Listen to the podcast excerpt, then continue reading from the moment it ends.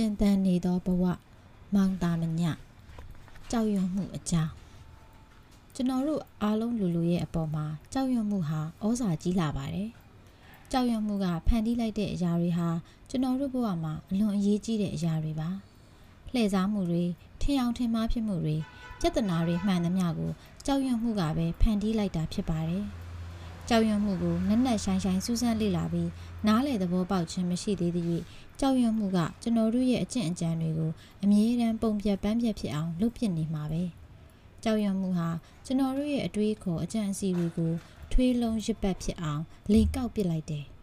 ကျွန်တော်တို့ရဲ့ဘဝလမ်းစဉ်ကိုဖြောင်ဖြောင်တန်းတန်းမဖြစ်အောင်လှည့်ပတ်ကွေ့ကောက်ပစ်လိုက်တယ်လူတွေချားမှာအတားအဆီးတွေကိုဖန်တီးပစ်လိုက်တယ်မေတ္တာတရားကိုတည်တည်ချာချာဖျက်ဆီးပစ်လိုက်တယ် ဒါကြောင့်ကြောက်ရွံ့မှုကိုနက်နက်ရှိုင်းရှိုင်းစူးစမ်းကြည့်ရမယ်ကြောက်ရွံ့မှုအကြောင်းကိုနက်နက်ရှိုင်းရှိုင်းစူးစမ်းကြည့်လာတာနဲ့အမျှပို့ပို့ပြီးသဘောပေါက်နားလည်လာမှာဖြစ်ပြီးကြောက်ရွံ့မှုလည်းတကယ်ကင်းဝေးလာပါလိမ့်မယ်။နောက်ပတ်ဝန်းကျင်ကရှိသမျှအရာတွေနဲ့လည်းရင်းနှီးထိစက်သည့်ထက်ရင်းနှီးထိစက်လာပါလိမ့်မယ်။ခုချိန်မှာတော့ကျွန်တော်တို့မှာဘဝနဲ့ထိစက်မှုဟာပြောပလောက်အောင်မရှိဘူး။အလွန်နှဲပါလှပါတယ်။ ဒါပေမဲ့ကျွန်တော်တို့ကိုယ်တည်းကနေကြောက်ရွံ့မှုကိုဖယ်ရှားပစ်နိုင်ရင်တော့ကျေပြတ်တဲ့ဆက်ဆက်မှုတွေရှိလာပါလိမ့်မယ်။နက်နဲတဲ့သဘောပေါက်မှုတွေဖြစ်လာပါလိမ့်မယ်စစ်မှန်တဲ့ဂရုဏာမေတ္တာတရားနဲ့ရှင်တဲ့ကိုချင်းစာတရားတွေဖြစ်လာပါလိမ့်မယ်ကျွန်တော်တို့ရဲ့မိုးကုတ်ဆော်ဝိုင်းကြီးဟာလည်းပိုးပြီးကျေဝန်းလာပါလိမ့်မယ်ဒါကြောင့်ကြောက်ရွံ့မှုကိုတခြားရှုထောင့်တစ်ခုကနေကြည့်ပြီးဝေဖန်ကြရအောင်လားကျွန်တော်တို့တွေဟာစိတ်ပိုင်းဆိုင်ရာလုံခြုံမှုတစ်မျိုးကိုလိုချင်နေကြတယ် ဒီအချက်ကိုသတိထားမိကြရဲ့လားကျွန်တော်တို့ဟာလုံခြုံမှုကိုလိုချင်နေကြတယ်မိခိုအားထားနိုင်မဲ့ပုံကိုယ်တစ်ပါးကိုလိုချင်နေကြတယ်။လူမမယ်ကလေးတစ်ယောက်ကသူ့အမေရဲ့လက်ကိုဆွဲကင်ထားသလိုမျိုးဆွဲကင်ထားနိုင်မယ့်အရာတစ်ခုကိုကျွန်တော်တို့လိုချင်နေကြတယ်။ကိုယ့်ကိုချစ်မြတ်နိုးမဲ့ပုံကိုယ်တစ်ယောက်ကိုလိုချင်နေကြတယ်။စိတ်ထဲမှာလုံလုံချုံချုံမဖြစ်ဘူးဆိုရင်အားကိုးစရာအဆောက်အအုံမရှိဘူးဆိုရင်စောက်တီယာမဲ့တယ်လို့ခံစားကြရတော့တာပဲမဟုတ်လား။ သူတစ်ပါးပေါ်အားကိုးမိခိုတဲ့အကျင့်မျိုးကျွန်တော်တို့ဆွဲနေကြပါပြီ။ကိုကိုကူညီဆောင်ရှောက်မဲ့လူကိုလိုက်ရှာတတ်တဲ့အချက်မျိုးလဲရနေကြပါပြီဒီလိုထောက်ပံ့ကူညီမှုမျိုးမရရှိတဲ့အခါမျိုးမှာဆိုရင်ဘာလို့လို့ဘာကန်ရမှန်းမသိအောင်ဆိတ်ရှုပ်နေကြတယ်ကြောက်ရွံ့ဆိုရိတ်နေကြတယ်ဘာမှမစင်စားတတ်ကြတော့ဘူးမလုတ်တက်မကင်တတ်တော့ဘူးကိုကိုကိုမတပါတခြားအားကိုးစရာမရှိဘူးဆိုတာနဲ့တပြိုင်နက်အထီးကျန်တယ်လို့ခံစားကြရတယ် စိတ်ထဲမှာလုံခြုံမှုမရကြတော့ဘူးမရေမရဇဝေဇဝါဖြစ်လာကြတယ်ဒီလိုကနေကြောက်ရွံ့မှုဖြစ်ပေါ်လာတော့တာပါပဲမဟုတ်လားဒါကြောင့်ကျွန်တော်တို့ဟာကိုယ့်ကိုစိတ်ချလက်ချဖြစ်အောင်လုပ်ပေးမယ့်အရာကိုလိုချင်နေကြတာပေါ့နောက်ပြီးကိုယ့်ကိုစောင့်ရှောက်မှုပေးမယ့်အရာတွေအမျိုးမျိုးကိုလည်းကျွန်တော်တို့ရယူထားကြတာပေါ့ကျွန်တော်တို့မှာစောင့်ရှောက်မျိုးမျိုးရှိနေပါတယ်အပြင်စောင့်ရှောက်တွေရှိနေသလိုအတွင်းစောင့်ရှောက်တွေလည်းရှိတယ် ရုပ်ဝတ္ထုအဆောင်ရှောက်တွေရှိသလိုစိတ်ပိုင်းဆိုင်ရာအဆောင်ရှောက်တွေလည်းရှိတယ်ကို့အိမ်ရဲ့ပဒင်းပေါက်တွေတကားတွေကိုပိတ်ပြီးအထဲမှာနေလိုက်တဲ့အခါတိတ်ကိုလုံခြုံသွားပြီလို့ကျွန်တော်တို့ခံစားကြရတယ်။ဘေးရန်နေကင်းပြီးဘာကမှလာပြီးနှောက်ယှက်လို့မရနိုင်တော့ဘူးလို့ထင်နေကြတယ်။ဒါပေမဲ့ဘဝဆိုတာဒီလိုမဟုတ်ဘူး။ဘဝဟာကျွန်တော်တို့ရဲ့တကားကိုအချိန်နဲ့အမျှလာခောက်နေတယ်။ကျွန်တော်တို့ရဲ့ပဒင်းပေါက်တွေကိုအမြဲတမ်းလာပြီးတွန်းဖွင့်နေတယ်။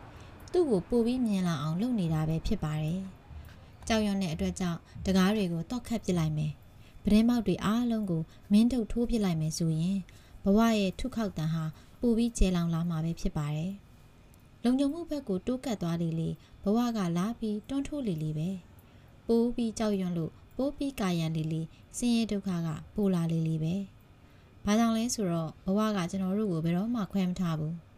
အမြဲထိတွေ့ဆက်ဆက်နေအောင်လုပ်နေတာကိုကျွန်တော်တို့ကလုံခြုံမှုကိုလိုချင်ကြတယ်ဘဝကလုံခြုံမှုကိုမရနိုင်ဘူးလို့ပြောနေတယ်ဒီလိုနဲ့ကျွန်တော်တို့ရဲ့တိုက်ပွဲစတော့တာပဲကျွန်တော်တို့ဟာလူအတိုင်းဝိုင်းလူအဖွဲ့အစည်းထဲမှာလုံခြုံမှုကိုလိုက်ရှာကြတယ်ကို့အဖေကို့အမေကို့လင်ကို့မယားစတဲ့သူတွေနဲ့ဆက်ဆက်ပေါင်းသင်းမှုထဲမှာလုံခြုံမှုကိုလိုက်ရှာကြတယ်ဒါပေမဲ့ဘဝကတော့ကျွန်တော်တို့ရဲ့လုံခြုံမှုအရန်တိုင်းတွေကိုအမြဲတမ်းဖြိုဖျက်ပစ်နေတယ် ဒါလည်းမကသေးပါဘူးအတွေးခေါ်အယူဆတွေထဲမှာလည်းကျွန်တော်တို့ဟာလုံခြုံမှုကိုရှာဖွေရယူကြပြန်ပါသေးတယ်။အတွေးခေါ်အယူဆတွေဘယ်လိုဖြစ်ပေါ်လာလဲ။အဲ့ဒီအတွေးခေါ်အယူဆတွေကိုစိတ်ကဘယ်လိုညှိကပ်သွားတယ်ဆိုတာကိုလေ့လာကြည့်ရှုဘူးသလား။လမ်းလျှောက်ထွက်ခဲ့တော့ကမြင်ခဲ့ရတဲ့အလှအပတစ်ခုနဲ့ပတ်သက်ပြီးစိတ်ကူးတစ်ခုအယူအဆတစ်ခုဖြစ်ခဲ့တယ်ဆိုပါစို့ခမည်းတော်ရဲ့စိတ်ဟာအဲ့ဒီစိတ်ကူးအဲ့ဒီအမှတ်တညာစီကိုပြန်ပြန်သွားတတ်ပါတယ် စာအုပ်တအုပ်ကိုဖတ်ပြီးရင်လေစာအုပ်နဲ့ပတ်သက်တဲ့အယူအဆစီကိုကိုယ်စိတ်ကပြန်ပြန်နေတတ်တယ်စိတ်ကအဲ့ဒီအယူအဆကိုကန့်ညှိနေတတ်တယ်ဒီလိုစိတ်ကူးတွေအယူအဆတွေဘယ်လိုဖြစ်ပေါ်လာတယ်စိတ်ရဲ့လုံခြုံမှုရှိရာရှိကြောင်းတွေဘယ်လိုဖြစ်လာတယ်စိတ်ကညစ်ကပ်အားထားစရာတွေဘယ်လိုဖြစ်လာတယ်ဆိုတာကိုသိအောင်မြင်အောင်လုပ်ကြရပါမယ်။အယူအဆပြဿနာကိုစဉ်းစားပြီးရလား။ခမားတို့မှလည်းအယူအဆတစ်ခုရှိမယ်။ ကျွန်တော်စီမှလည်းအယူအဆတစ်ခုရှိမယ်။နောက်ပြီးကိုယ့်အယူအဆကိုပဲတခြားသူရဲ့အယူအဆထက်ပိုပြီးကောင်းတယ်လို့ထင်နေကြမယ်ဆိုရင်ကျွန်တော်တို့ရှင်ပြိုင်ကြတော့မယ်မဟုတ်ပါလား။ကျွန်တော်ကလည်းကျွန်တော်အယူအဆကိုခမားတို့လက်ခံလာအောင်လုပ်မယ်။ခမားတို့ကလည်းခမားတို့ရဲ့အယူအဆကိုကျွန်တော်လက်ခံလာအောင်လုပ်မယ်ကဘာကြီးတစ်ခုလုံးကိုယူဆတွေနဲ့ယူဆတိုက်ပွဲတွေအပေါ်မှာအခြေခံပြီးတိဆောက်ထားတာဖြစ်ပါတယ်။ဒါ ကိုဆင်ញင်ကြည့်လိုက်မယ်ဆိုရင်ယူဆတစ်ခုကိုဆွဲကင်ထားရုံတတ်တတ်ဟာဘာမှအတိတ်ပဲမရှိတာကိုတွေ့ရပါလိမ့်မယ်။ဒါပေမဲ့ခမားတို့ရဲ့ဆရာသမားမိဘများနဲ့ဥဥတော်တော်တို့ဟာသူတို့ယူဆထားချက်အပေါ်ဘလောက်ထိအောင်တဲကြီးမဲကြီးစုပ်ကင်ထားကြတယ်ဆိုတာကိုသတိထားမိရဲ့လား။ကဲကောင်းပြီ။ဒါဆိုရင်စိတ်ကူးအယူအဆတစ်ခုဘလို့ဖြစ်ပေါ်လာသလဲအယူအဆတစ်ခုကိုဘလို့ရရှိလာသလဲ ပုံစံပြောရရင်လမ်းလျှောက်ထွက်ဖို့စိတ်ကူးတစ်ခုရတယ်ဆိုပါစို့ဒီစိတ်ကူးဘလို့ဖြစ်ပေါ်လာတာလဲဒါကိုသိအောင်လုပ်ရတာသိစိတ်ဝင်စားဖို့ကောင်းတယ်တည်တည်ချာချာကြည့်လိုက်မယ်ဆိုရင်ဒီလိုစိတ်ကူးမျိုးဘလို့ဖြစ်ပေါ်လာပုံဒီစိတ်ကူးကိုပဲစိတ်ကဆွဲညစ်နေပုံတခြားအရာအလုံးကိုတော့စိတ်ကဘေးဖယ်ဖြစ်ပုံတွေကိုသိလာပါလိမ့်မယ်လမ်းလျှောက်ထွက်မယ်ဆိုတဲ့စိတ်ကူးဟာစိတ်ခံစားမှုတစ်ခုအပေါ်တုံ့ပြန်ချက်ပဲမဟုတ်လားအရင်ကလမ်းလျှောက်ထွက်ခဲ့ဘူးမယ် အဲ့ဒီလမ်းလျှောက်ထွက်ခဲ့ဘူးတဲ့အတွေ့အကြုံကကျေနပ်ပျော်ရွှင်တဲ့ခံစားမှုတစ်ခုကိုခမားစီမှာခြံထားရင်မယ်ဒါကြောင့်နောက်တစ်ခါလမ်းလျှောက်ထွက်ခြင်းပဲဒီလိုနဲ့လမ်းလျှောက်ဖို့စိတ်ကူးကိုထုတ်ပြီးလမ်းလျှောက်ထွက်တယ်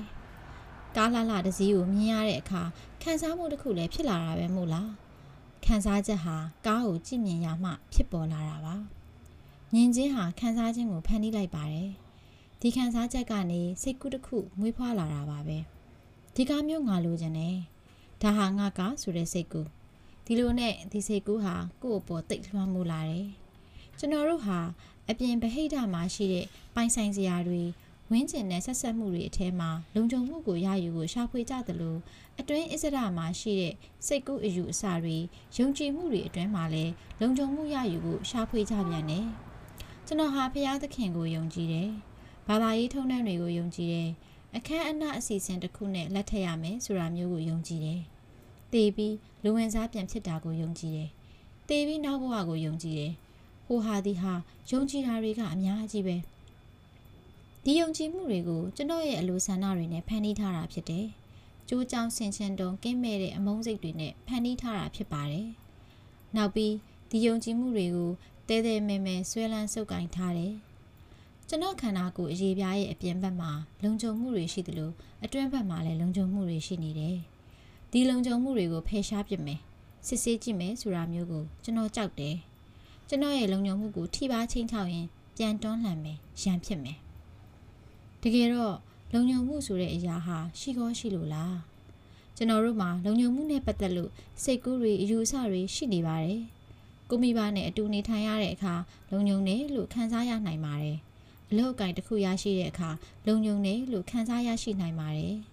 လက်ရှိကိုယ့်ရဲ့တွေးခေါ်နည်းနေထိုင်နည်းကြင်မြင်နည်းတွေနဲ့လုံခြုံမှုရတယ်လို့ခံစားရင်ကျင့်တတ်နိုင်ပါတယ်။ကျွန်တော်တို့ဟာလုံခြုံမှုဆိုင်ရာအယူအဆတွေထဲမှာပိတ်လှောင်နေရတာကိုအကျဉ်းနဲ့ကြီးကျင့်တတ်နေကြပါတယ်။ဒါပေမဲ့ကိုယ့်ရဲ့အတွင်းမှာရောအပြင်မှာပါဘလောက်အဆောင်အရှောက်တွေအရန်အတားတွေထားထားလုံခြုံမှုကိုရနိုင်ပါမလားစိတ်ချလက်ချရှိနိုင်ကြပါရဲ့လားအပြင်ဘက်ကလုံခြုံမှုတွေကိုပြန်ပြီးကြည့်လိုက်မယ်ဆိုရင် ကို့အဖေတို့အမေတို့ဟာတည်သွားနိုင်တယ်ကိုပိုင်နဲ့ဗန်တိုင်းကြီးလည်းဆုံးရှုံးပျက်စီးသွားနိုင်ပါတယ်တော်လိုင်းရေးတစ်ခုလည်းဖြစ်ပွားနိုင်ပါတယ်ဒါဆိုရင်အယူအဆတွေထဲမှာရောလုံခြုံမှုရှိပါရဲ့လား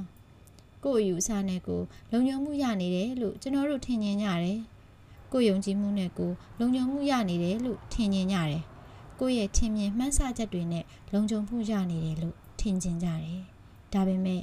တကယ်ကော လုံခြုံမှုရကြပါရဲ့လား။ဒီလုံခြုံမှုတွေဟာအစစ်အမှန်မဟုတ်တဲ့အတူအယောင်မျှတာဖြစ်တဲ့အရန်တိုင်းတွေသာဖြစ်ပါတယ်စိတ်ကူးစိတ်တန်းထင်မြင်ကြံစချက်တွေမျှတာဖြစ်ပါတယ်ခံစားမှုတွေမျှတာဖြစ်ပါတယ်ကိုယ့်ကိုစောင့်ရှောက်ကာကွယ်ပေးနေတဲ့ဖရာသခင်တစ်ပါးရှိတယ်လို့ကျွန်တော်တို့ယုံကြည်ကြတယ်လက်ရှိဘဝထက်ပိုးပြီးချမ်းသာပိုးပြီးမြင့်မြတ်တဲ့သူအဖြစ်နောက်တစ်ဖန်ပြန်ပြီးမွေးဖွားလာမှာကိုကျွန်တော်တို့ယုံကြည်ခြင်းကြမယ်။ ဒါတွေဟာဖြစ်နိုင်မဖြစ်နိုင်မသိချတဲ့အရာတွေပါ။ဒါကြောင့်အတွင်းမှာရောအပြင်မှာပါရှိနေတဲ့လုံခြုံမှုတွေကိုစစ်စစ်ဆေးဆေးကြည့်ရှုလိုက်မယ်ဆိုရင်ဘဝမှာလုံခြုံမှုဆိုတာလုံးဝမရှိဘူးဆိုတဲ့အချက်ကိုကိုယ်တိုင်ကိုယ်ကျသိမြင်နိုင်ပါတယ်။ဒီအချက်ကိုသိမြင်နေတဲ့အတွက်တကယ်ဆင်ញင်မှုရှိတဲ့သူဟာသူ့ကိုယ်သူဘယ်လိုလုံခြုံမှုမှမရှိအောင်လှုပ်ဆောင်มาတော့တယ်။အပြင်လုံခြုံမှုတွေလည်းမရှာတော့သလိုအတွင်းလုံခြုံမှုတွေလည်းမထားတော့ဘူး။ ဒီအလုပ်ကအလွန်ခက်တဲ့အလုပ်ပါ။ဘာကြောင့်လဲဆိုတော့ဘာကိုမှအားကိုးခြင်းမရှိတော့ပဲကိုယ့်ဘာသာအားကိုးရတဲ့တကူတော်ဘဝကိုရည်ညွှန်းနေတာကိုမိခိုလိုက်တာနဲ့တပြိုင်နက်ကြောက်ရွံ့မှုရှိလာပြီ။ကြောက်ရွံ့မှုရှိတာနဲ့မေတ္တာတရားမရှိတော့ဘူး။မေတ္တာတရားရှိနေတဲ့အခါအထီးကျန်မဖြစ်ပြန်ဘူးအထီးကျန်စိတ်ဆိုတာတကူတော်ဘဝနဲ့ကိုအားကိုကိုရမှာကိုကြောက်ရွံ့ပြီးဘာလို့လို့ဘာကန်ရမှန်းမသိတဲ့အခါမှသာပေါ်လာတတ်တာပါ အယူအဆတွေရဲ့ထိန်းချုပ်မှုကိုခံရတဲ့အခါယုံကြည်မှုတွေနဲ့တင်းကွဲခံရတဲ့အခါကြောက်ရွံ့မှုဟာမလွဲမသွေပေါ်လာတော့တာပါပဲကြောက်ရွံ့ပြီဆိုရင်တော့ဇုံလုံးကမ်းပြီဒါကြောင့်ဆရာမိဘတို့အနေနဲ့ဒီကြောင်းရမှုပြဿနာကိုအတူတကွပူးပေါင်းပြီးဖြေရှင်းကြရပါလိမ့်မယ်။ ဒါပေမဲ့အကြောင်းမလှလိုက်ပုံကခမားတို့ရဲ့မိဘတွေဟာခမားတို့အိမ်အောင်မပြုတ်ပဲနေရင်အလုပ်မရပဲနေရင်ဘာတွေများရှောက်လို့ကုန်မလဲဆိုပြီးကြောက်ရွံ့နေကြတာပါပဲ။ခမားတို့မှားသွားမှာကိုသူတို့တိတ်ကြောက်လန့်စိုးရိမ်နေကြတယ်။လူတွေပြောခံရမှာကိုသူတို့တိတ်ကြောက်နေကြတယ်။ဒီလိုထိတ်လန့်စိုးရိမ်မှုကြောင့်ပဲသူတို့ဟာခမားတို့ကိုတခုခုလုပ်ဖို့ခိုင်းကျင်နေကြတယ်။သူတို့ရဲ့ကြောက်ရွံ့မှုကိုမေတ္တာတရားလို့ဆိုတဲ့အရာနဲ့အဝိဝိပြီးဖုံးထားတယ်။ သူတို့ဟာခမားတို့ကိုစောင့်ရှောက်ချင်နေကြတယ်။ဒါကြောင့်ခမားတို့အနေနဲ့လည်းတခုခုလုပ်ကြရလိမ့်မယ်။ဒါပေမဲ့သူတို့ပါဇက်ကပြောပြောနေကြတဲ့ချစ်ချင်းမေတ္တာတို့ဂရုစိုက်မှုတို့ဆိုတဲ့အရာတွေရဲ့ဥဒတိုင်းနောက်ွယ်ကိုတွားကြည့်မယ်ဆိုရင်တော့ခမားတို့ရဲ့လုံခြုံမှုနဲ့ခမားတို့ရဲ့ဂုဏ်သိက္ခာကြီးမြင့်လာရေးအတွက်ကြောက်ရွံ့စိုးရိမ်မှုကိုပဲတွေ့ရပါလိမ့်မယ်။ခမားတို့ရဲ့မိဘတွေနေတူပဲ။ခမားတို့ဟာလည်းကြောက်ရွံ့နေကြတယ်။ ဘာကြောင့်လဲဆိုတော့ခမားတို့ဟာလည်းသူတစ်ပါးပေါ်မှာမိခိုးနေထိုင်လာတာအကြာကြီးကြာခဲ့ပြီကို။ဒါကြောင့်ငယ်စဉ်ကလေးကစပြီးကြောက်ရွံ့စိတ်တွေကိုစစ်ဆေးဝေဖန်ပြီးဖြိုခွဲပစ်လိုက်နိုင်ဖို့အလွန်အရေးကြီးတာဖြစ်ပါတယ်။ဒါမှခမားတို့ဟာအထီးကျန်ဘဝမျိုးမရောက်မှာဖြစ်တယ်။အယူအဆတွေဒလိထုံနှန်းစင်လာတွေအလေးအကျင့်တွေရဲ့ပိတ်လာမှုကိုမခံရမှာဖြစ်တယ်။ဖန်တီးမှုစွမ်းအားတွေနဲ့ပြည့်စုံတဲ့လွတ်လပ်တဲ့လူသားတစ်ယောက်ဘဝကိုရောက်ရှိမှာဖြစ်တယ်။ Thank you.